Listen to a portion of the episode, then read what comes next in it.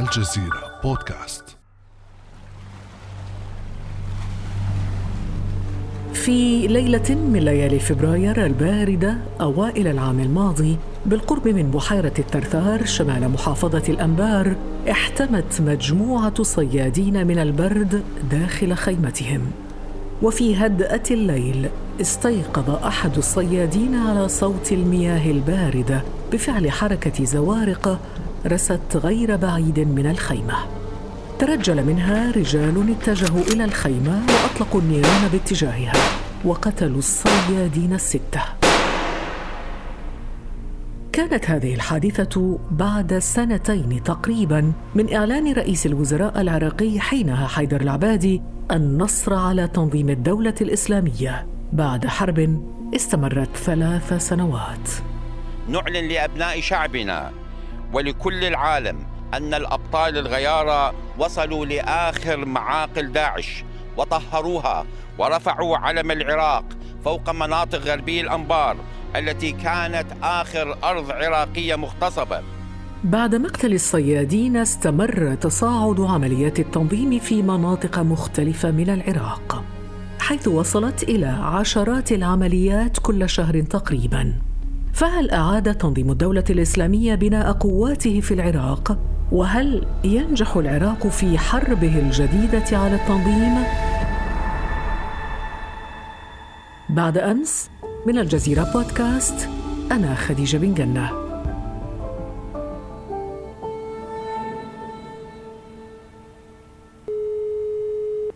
وينضم إلينا في هذه الحلقة الباحث الأول بمركز الجزيرة للدراسات الدكتور لقاء مكي. أهلا بك دكتور. يا أهلا وسهلا أستاذة خديجة.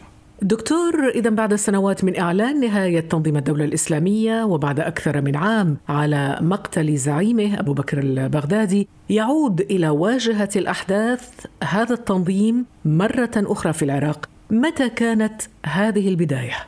نعم حقيقة هي بعد شهور فقط من ما سمي في حينها بإعلان النصر على التنظيم بدأت ملامح أن هذا التنظيم لم ينتهي تماما، لكن هذا التنظيم كان منشغل حقيقة. اولا في استجماع بقاياه لا سيما بعد أن انهار في الرقة في سوريا بعد انهياره في الموصل، وبالتالي فقد كل حواضره في العراق وسوريا. وحين ذاك كان هناك عمليات تجري داخل التنظيم لإعادة استجماع صفوفه أو محاولة تنظيم هذه الصفوف على الأقل. كانت الضربات الموجهة له خطيرة وكبيرة وجدية. انتهت كما نعرف طبعا مؤخرا بإعلان الولايات المتحدة مقتل زعيمه أبو بكر البغدادي. وأيضا عدم وجود شخصيات يبدو بديلة ذات كاريزما خاصة لقيادة التنظيم كما أعلن في حينها. على كل حال خلال الشهور الماضية بدأت عمليات التنظيم تعود للعراق.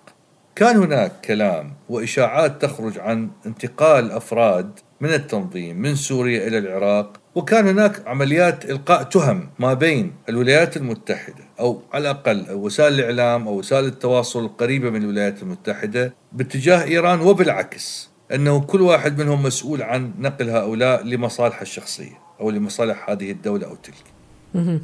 لكن كي نفهم هذه النقطة يعني دخول عناصر من التنظيم من سوريا إلى العراق والعالم احتفل بنهاية التنظيم في سوريا أيضا. نريد أن نفهم هذه النقطة. نعم اولا الحدود العراقية السورية فيها فراغات كبيرة وحتى بعد ما سيطر الحشد وقوات الحدود والجيش على هذه المناطق لم يكن صعبا على أشخاص خبروا هذه الحدود لمدة طويلة عودة وذهابا بين سوريا والعراق أن يجدوا هذه الفراغات، هذا اولا. الأمر الثاني أن منطقة وادي حوران اللي هي تقع يعني غرب العراق وتمتد إلى سوريا إلى يعني تقريبا إلى فلسطين، هذه المنطقة هي وادي ضخم جدا وفيها الكثير من الكهوف والتضاريس الوعرة التي تسمح للتنظيم بالتسلل أو بالاختباء سواء داخل العراق أو في سوريا. وبالتأكيد كان يجد لنفسه فرص لوضع مناطق معينة لعملية التنقل ما بين الدولتين. الشيء الثالث وهذا مهم جدا باعتقادي أن التنظيم وجد في المشكلات التي نشأت بعد هزيمته داخل الإقليم بين دول مختلفة كانت متعاونة ضده ثم ما لبثت أن اختلفت فيما بينها وهذا حصل بين الولايات المتحدة وإيران اللتان تعاونتا ضد التنظيم في الحرب في العراق ومن ثم ظهرت المشكلات بينهم. يعني استغل هو هذه الخلافات الإقليمية تحديدا الأمريكية الإيرانية. لكن ربما دكتور حتى على المستوى الداخلي وجد أيضا داخل العراق وضعا جديدا فراغات سياسية أمنية اجتماعية استغلها في عودته هذه. أليس كذلك؟ بالضبط هذا كلام دقيق. تنظيم الدولة يعيش على الفراغات. هو ليس قويا بذاته هو قويا بضعف خصمه. وضعف الخصم هنا ليس عسكريا فقط ولكن في عدم الانتباه أو في تشتت الجهود أو في الخلافات البينية. بمعنى أن الخلافات السياسية في العراق والخلافات الأمنية بين الحشد والجيش بين داخل الحشد نفسه لا سيما بعد مقتل المهندس وسليماني مطلع هذا العام نشأت خلافات جدية داخل الحشد وما زالت قائمة. هذه الخلافات تتيح للتنظيم أن يجد فرص للاختباء وأيضا للتمدد بمعنى أنه حتى عمليات الرشوة اللي كان يقدمها التنظيم أحيانا لهذا الطرف أو ذاك من أجل إطلاق سراح أفراد منه أو لتسهيل مرور عبر نقاط التفتيش، هذه لا يمكن أن توجد إذا كان هناك نظام أمني صارم ووحدة موقف. لكن حينما يكون هناك اتهامات متبادلة بين الأطراف المختلفة داخل الدولة الواحدة أو داخل النظام السياسي وداخل الجيش الواحد داخل الوحدة العسكرية الواحدة حين ذاك يجد التنظيم فرصة للاختراق. هذه واحدة من أساسيات عمل تنظيم الدولة واستفاد منها بشكل خاص في الشهور الأخيرة لا سيما بعد بدء ثورة أكتوبر أو احتجاجات أكتوبر في العراق. الخلافات الجوهرية اللي نشأت ما بين الناس الشعب الشارع والدولة ما بين القوى السياسية وإلقاء الاتهامات فيما بينها. والمشكلات اللاحقة اللي ظهرت ما بين تداعيات الأزمة الإيرانية الأمريكية على الوسط العراقي أو داخل العراقي وعلى الحشد الشعبي على القوى السياسية أسهمت طبعا جدا في تدعيم قوة تنظيم الدولة في العراق. نعم.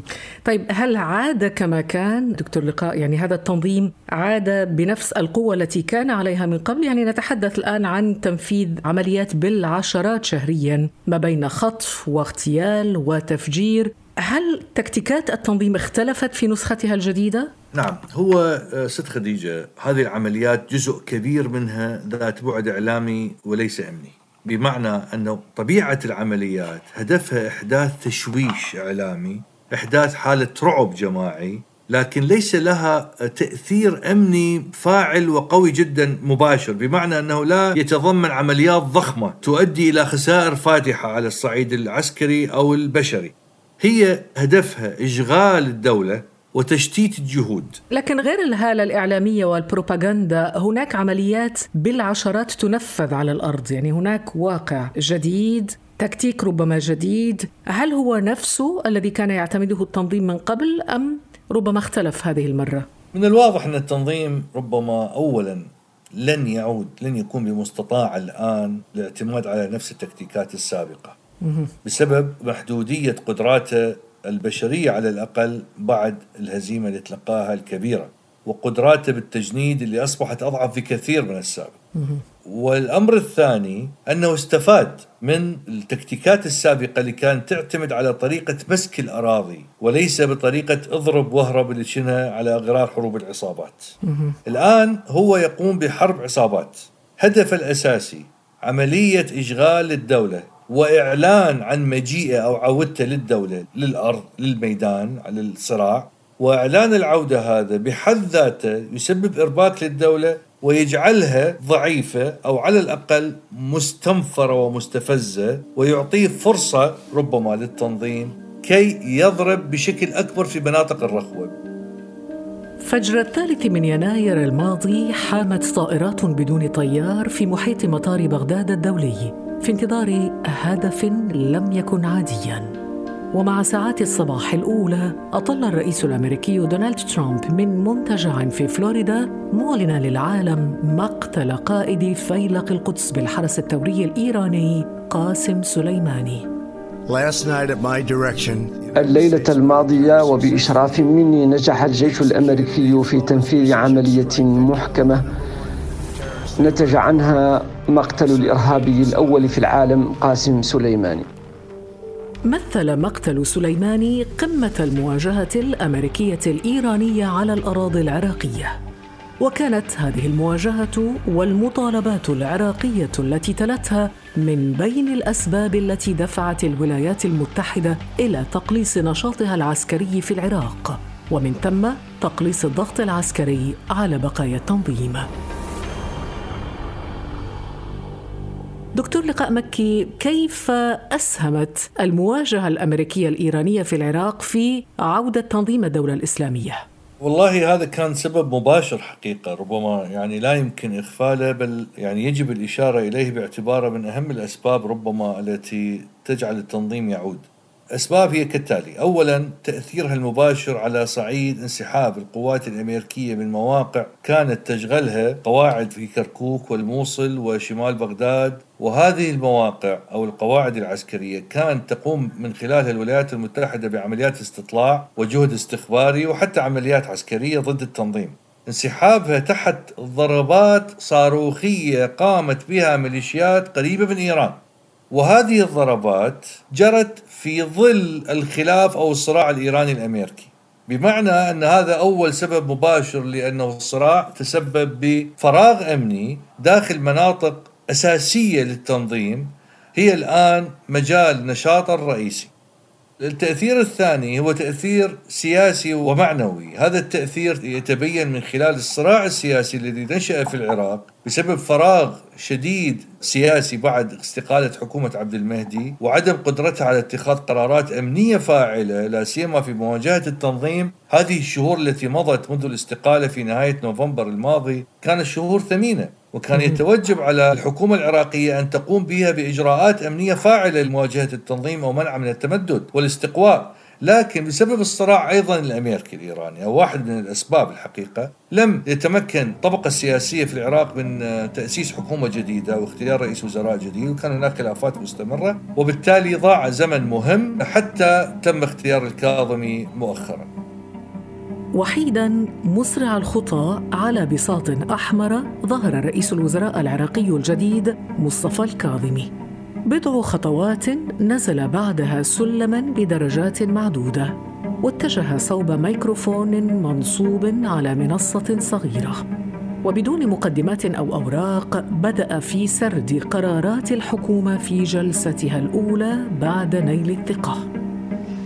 وكذلك اتخذنا قرار فيما يخص البطل الصديق الفريق عبد الوهاب الساعدي إعادته إلى الخدمة إلى جهاز مكافحة الإرهاب ومن ثم ترقيته لرئاسة جهاز مكافحة الإرهاب الساعدي تردد هذا الاسم كثيرا أيام حرب العراق على التنظيم الذي اتخذ من مدينة الموصل العراقية عاصمة له بعد الإعلان عن نفسه عام 2014 تعيين الساعدي وترقيته تحمل دلالة خاصة. في ظل الحديث عن حرب ستخوضها العراق مجددا على التنظيم.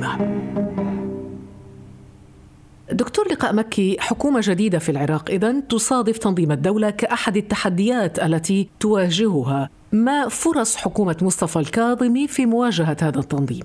طبعا هو تحدي خطير وكبير ولا سيما أنه يترافق مع تحديات أخرى. منها التحدي الاقتصادي الكبير الذي يواجه الكاظمي الآن الميزانية خاوية، سعر النفط في اسوء حالاته، ليس هناك فرصة للحصول على قروض ضخمة جديدة، تمويل العمليات العسكرية سيحتاج إلى مبالغ كبيرة. ليس بمقدور العراق توفيرها كما حصل في 2016 و2017 بالتالي هناك مشكلات كبيرة فيما يتعلق بتمشية أمور الدولة. فكيف بخوض حرب؟ وهذا الأمر واحد من الأسباب المهمة الحقيقة اللي يجعل عمليه التفاؤل المسبق والكبير بما سيجري يعني ربما تكون مستعجلة.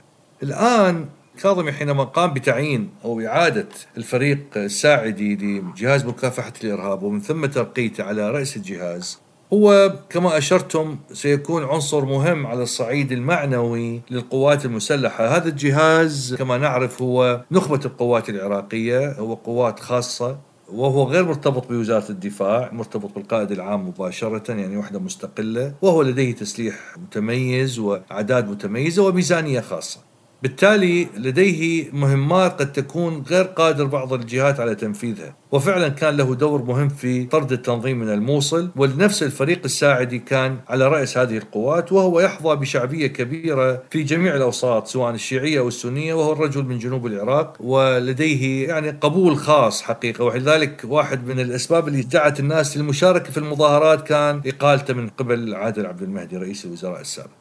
وجود الساعدي على رأس التنظيم ربما يعطي رسائل معينة بأنه الدولة أو يعني جهاز مكافحة الإرهاب استعاد نشاطه وسيقوم بعمليات تنظيم. لكن أعتقد أن وجود الساعدي ربما فيه رسائل أخرى أرادها الكاظمي أو سيستفيد منها الكاظمي غير عملية محاربة التنظيم. رسائل تتعلق بالوضع الداخلي في العراق رسائل تتعلق بالميليشيات المنفلتة التي لا يعني يمكن السيطرة عليها أو تعتقد أنها أكبر من الدولة. قد يحصل صدام ربما سيكون ل يعني جهاز مكافحة الإرهاب قدم السبق في التصدي لهذه الميليشيات ويعني مصطفى الكاظمي رئيس الوزراء الجديد هل يستطيع أن يفعل ذلك إن لم يستعد التفاهم الأمريكي الإيراني لمحاربة التنظيم؟ العملية متراكبة أستاذة خديجة من ناحية هذا التفاهم الأمريكي الإيراني إذا كان مرتبط بالتنظيم ففي نفس الوقت هناك ملفات أخرى بين أمريكا وإيران من الصعب جدا تصور أن يعودا إلى التفاهم خلال على الأقل ولاية ترامب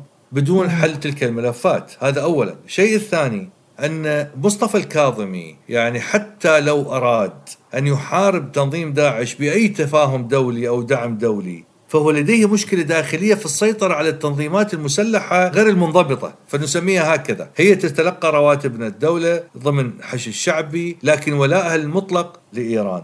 بالتالي عملية السيطرة من أجل محاربة عدو في الداخل تحتاج إلى ضبط في أي قوات مسلحة في العالم. وهذا الضبط لم يتوفر. كان هناك ولاء لطرف خارجي فبالتأكيد سيكون هناك حالة اضطراب شديدة في عمليات العسكرية في عمليات نقل الأوامر في عمليات الضبط والسيطرة داخل القوات المسلحة. فأنت إذا كنت جهاز جهازك العسكري غير مسيطر عليه أو على الأقل فيه وحدات منفلتة فبالتأكيد عدوك سيتمكن منك من خلال هذه الفراغات التي ستوجد في عدم التفاهم. شكرا جزيلا لك دكتور لقاء مكي الباحث الأول بمركز الجزيرة للدراسات.